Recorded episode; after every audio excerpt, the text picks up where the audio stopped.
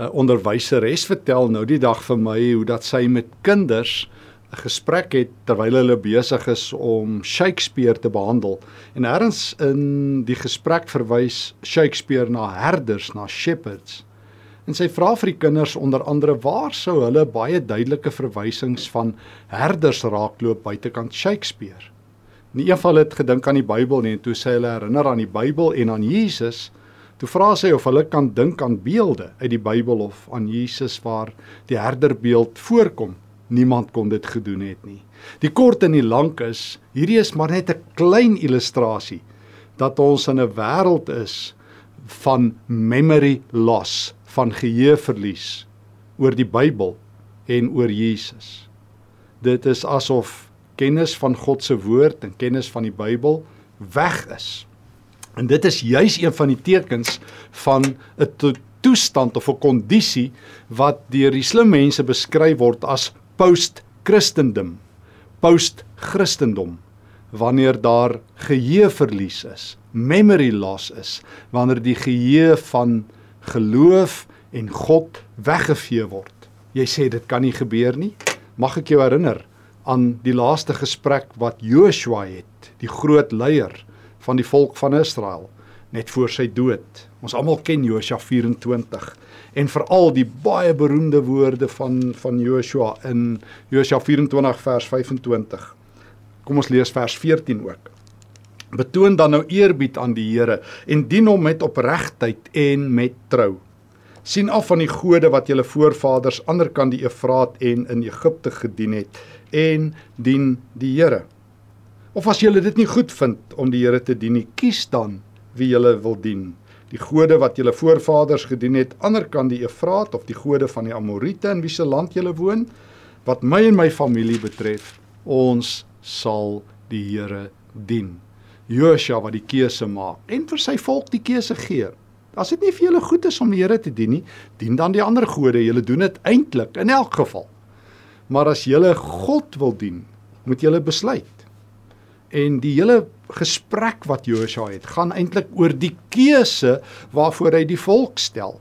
En keer op keer, ek dink amper 13 keer in hierdie hele gesprek kom die woord dien, dien, dien. En elke keer druk die volk terug en sê hulle ons sal die Here dien. Trouwens in vers 16 sê hulle sommer reguit vir Joshua, jy weet nie waarvan jy praat nie. Ons dink glad nie daaraan om die Here te verlaat en ander gode te dien nie. Dit is hy wat ons uit Egipte verlos het. Famous last words, soos die Engelse sou sê. Ek blaai in die volgende boek Rigters, twee hoofstukke later, en dan hoor ek van die mees skrikwekkende woorde in die hele Bybel. Ek lees in uh Joshua in Rigters 2 vers 8 tot 10. Joshua, seun van Nun en dienaar van die Here, het 110 jaar oud geword. Hy het gesterf en hy is begrawe op sy grond in Timnat Geres op die Efraimsberge noord van die Gaasberg. Al die mense van sy leeftyd het gesterf. Hoor nou, en die volgende geslag se mense het nie die Here geken nie memory loss. Hulle het ook nie geweet van sy groot dade wat hy gedoen het om vir Israel te help nie. Kan jy dit glo? Die laaste preek wat ons het van Josua, staan die volk en sê: "Nee, dis die Here wat ons verlos het. Ons sal hom dien." En ons lees in die volgende boek Rigters, die volgende geslag was post godsdienstig, post godsdiens, post God Hulle het nie van hom geweet nie, hulle het nie sy dade geken nie. En oral in ons eie dag en in ons eie land spring voorbeelde hiervan op van 'n komende post-Christendom, 'n post-Christendom waar geheue verlies lê.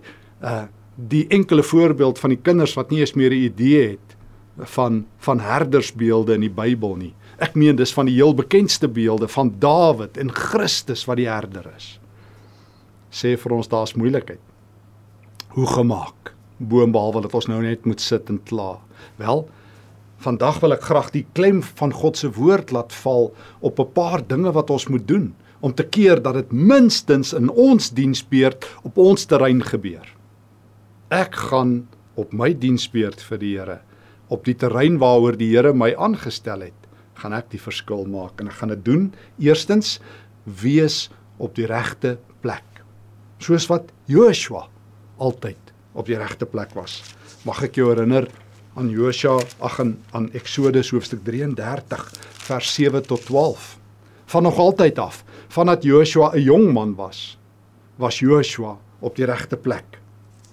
Ek lees hoe hy as 'n jong man toe Moses die tent van ontmoeting opgerig het, uh ver buitekant die kamp in Eksodus 33 vers 7 en dat hy na hierdie tent van ontmoeting toe gegaan en het Moses daar met die Here gaan praat. En dan lees ek die Here het direk met Moses gepraat soos 'n man met sy vriend. Daarna is Moses terug na die kamp toe, maar sy assistent, die jong man Joshua, seun van Nun, het nie die tent van ontmoeting verlaat nie. Dit is Deuteronomium 33 vers 11. Joshua was lewenslank op die regte plek. Joshua het geweet Hy moet uitvind waar is die wingerd van die Here. Daar reën dit seën. Daar is die tuinier Christus aan die werk en daarom was Joshua altyd op die plek waar die Here is. Ja, dit is die groot geheim. Vind uit waar is die Here en wees daar. Sondag in die erediens, by die Bybelstudies, by die Bybelskool, daar waar Jesus aan die beweeg is, vind uit waar is hy aan die werk en wees daar. Wees op die regte plek. Dis genoeg. Moenie jou bekommer oor die gevolge nie, wees net waar die Here is. Ek lees in Lukas 13 hoe Jesus vertel dat daar waar hy is, daar is daar groeikrag in die wingerd. Daar is daar hemelse bemesting, so vertel Lukas 13 vers 6 tot 9. So wat is die antwoord op 'n geheueverlies, op 'n memory loss, op 'n wêreld wat al hoe meer van God vergeet. En ons sien in Rigters 2 dit kan gebeur, dit het gebeur. Selfs onder die neuse van die leiers van Israel het dit gebeur. Die antwoord, die teenmiddel, die teenvoeter, wees op die regte plek. Tweedens, hê die regte kennis van die Here. Ek is nog steeds by Josua en ek lees in die bekende Josua hoofstuk uh, hoofstuk 1 hoe dat die Here vir Joshua oprig as Moses sterf. En dan sê die Here vir Joshua, onthou jy daai bekende woorde? Ehm um, waar die Here vir hom sê, soos wat ek by Moses was, so sal ek by jou wees. Joshua 1 vers 5. Ek sal jou nie in die steek laat nie en jou nie verlaat nie. Wees sterk. Wees vasberade want jy moet hierdie volk die land in besit laat neem uh, wat ek met 'n eed aan hulle voorvaders beloof het. En dan weer 'n keer in vers 9. Ek self gee jou hierdie opdrag: wees sterk, wees vasberade, moenie skrik nie, moenie bang wees nie, want ek die Here jou God is by jou oral waar jy gaan. So wat is die antwoord? Wees op die regte plek soos Josua, daar waar die Here is. Tweedens, hê die regte kennis. Wat s'ie regte kennis? Die Here is by jou. Dit mag wees dat min ander mense daai kennis het, maar jy het dit. Gaan leef omdat die Here by jou is. Nie moenie gaan leef asof die Here by jou is nie. Gaan leef want die Here is by jou. Groot verskil. Groot verskil. Baie gelowiges leef asof die Here by hulle is. Maar dit is eintlik nie geloof, dit is eintlik twyfel. Miskien is die Here by my of miskien nie, dis wat dit eintlik sê. Nie Joshua nie. Hy leef want die Here is by hom. Hy het 'n autoriteit, 'n gesag van die Here. Nee, hy loop nie rond en ruk almal rond nie.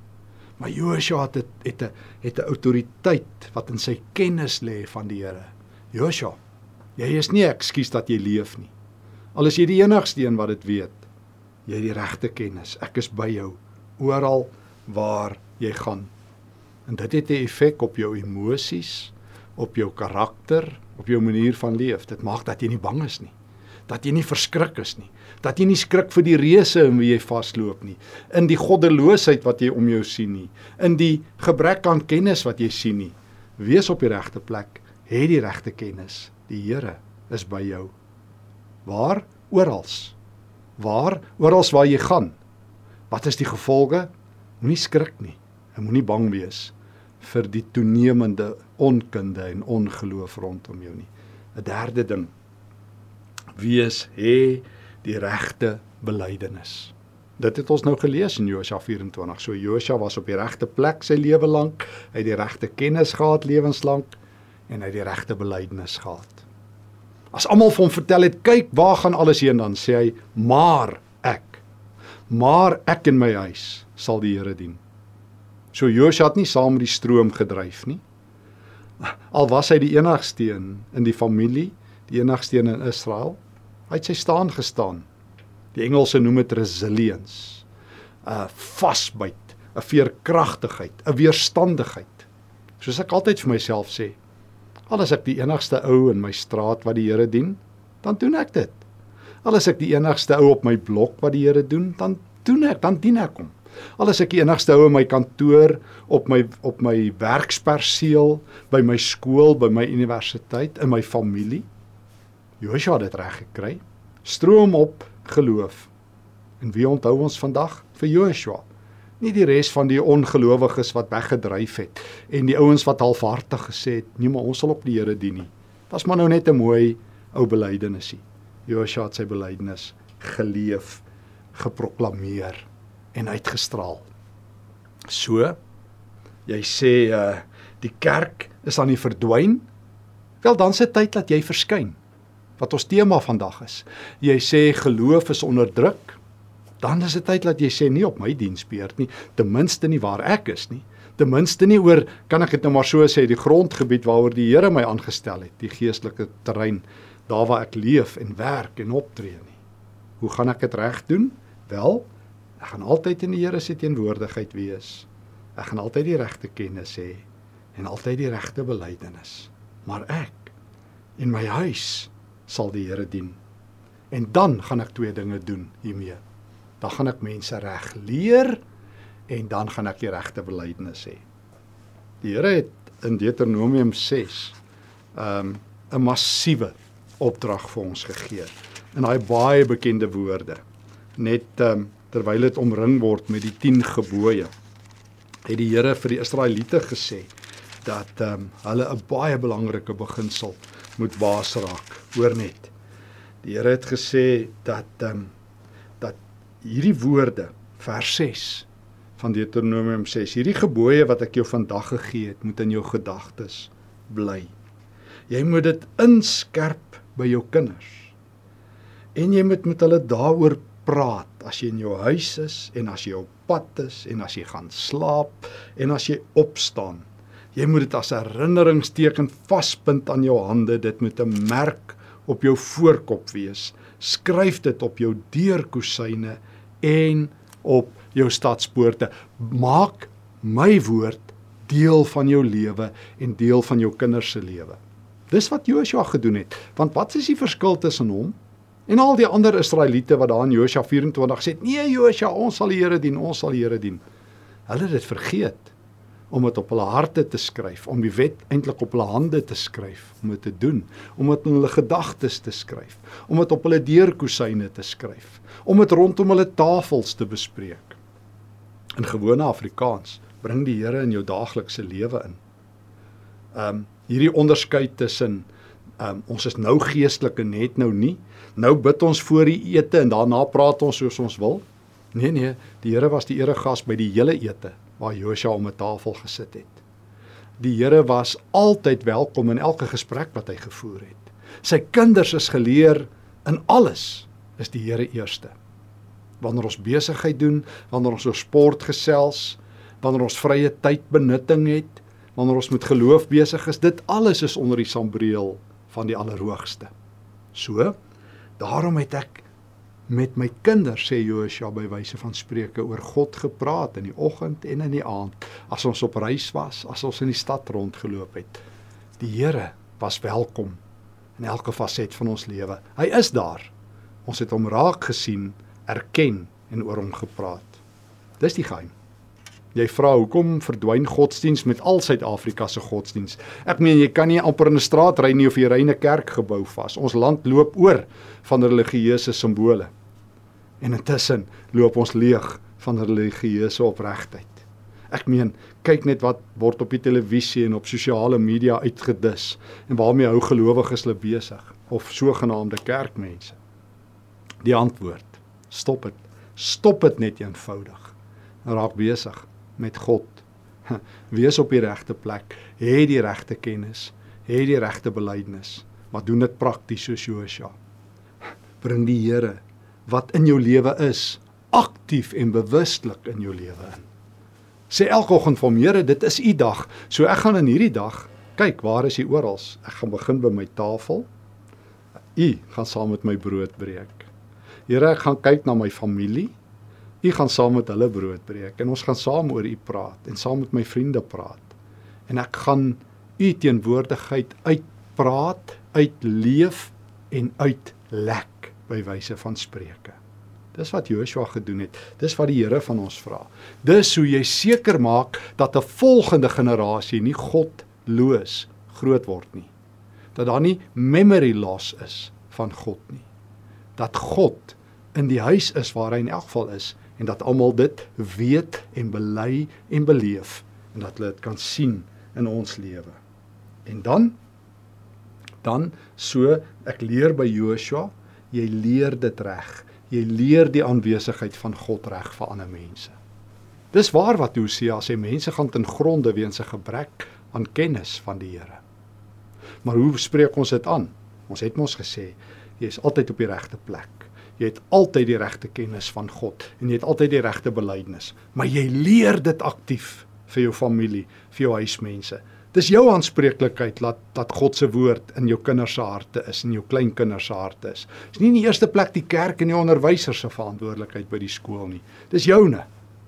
Dis jou verantwoordelikheid dat jou vriende nuuskierig raak om God se woord baas te raak.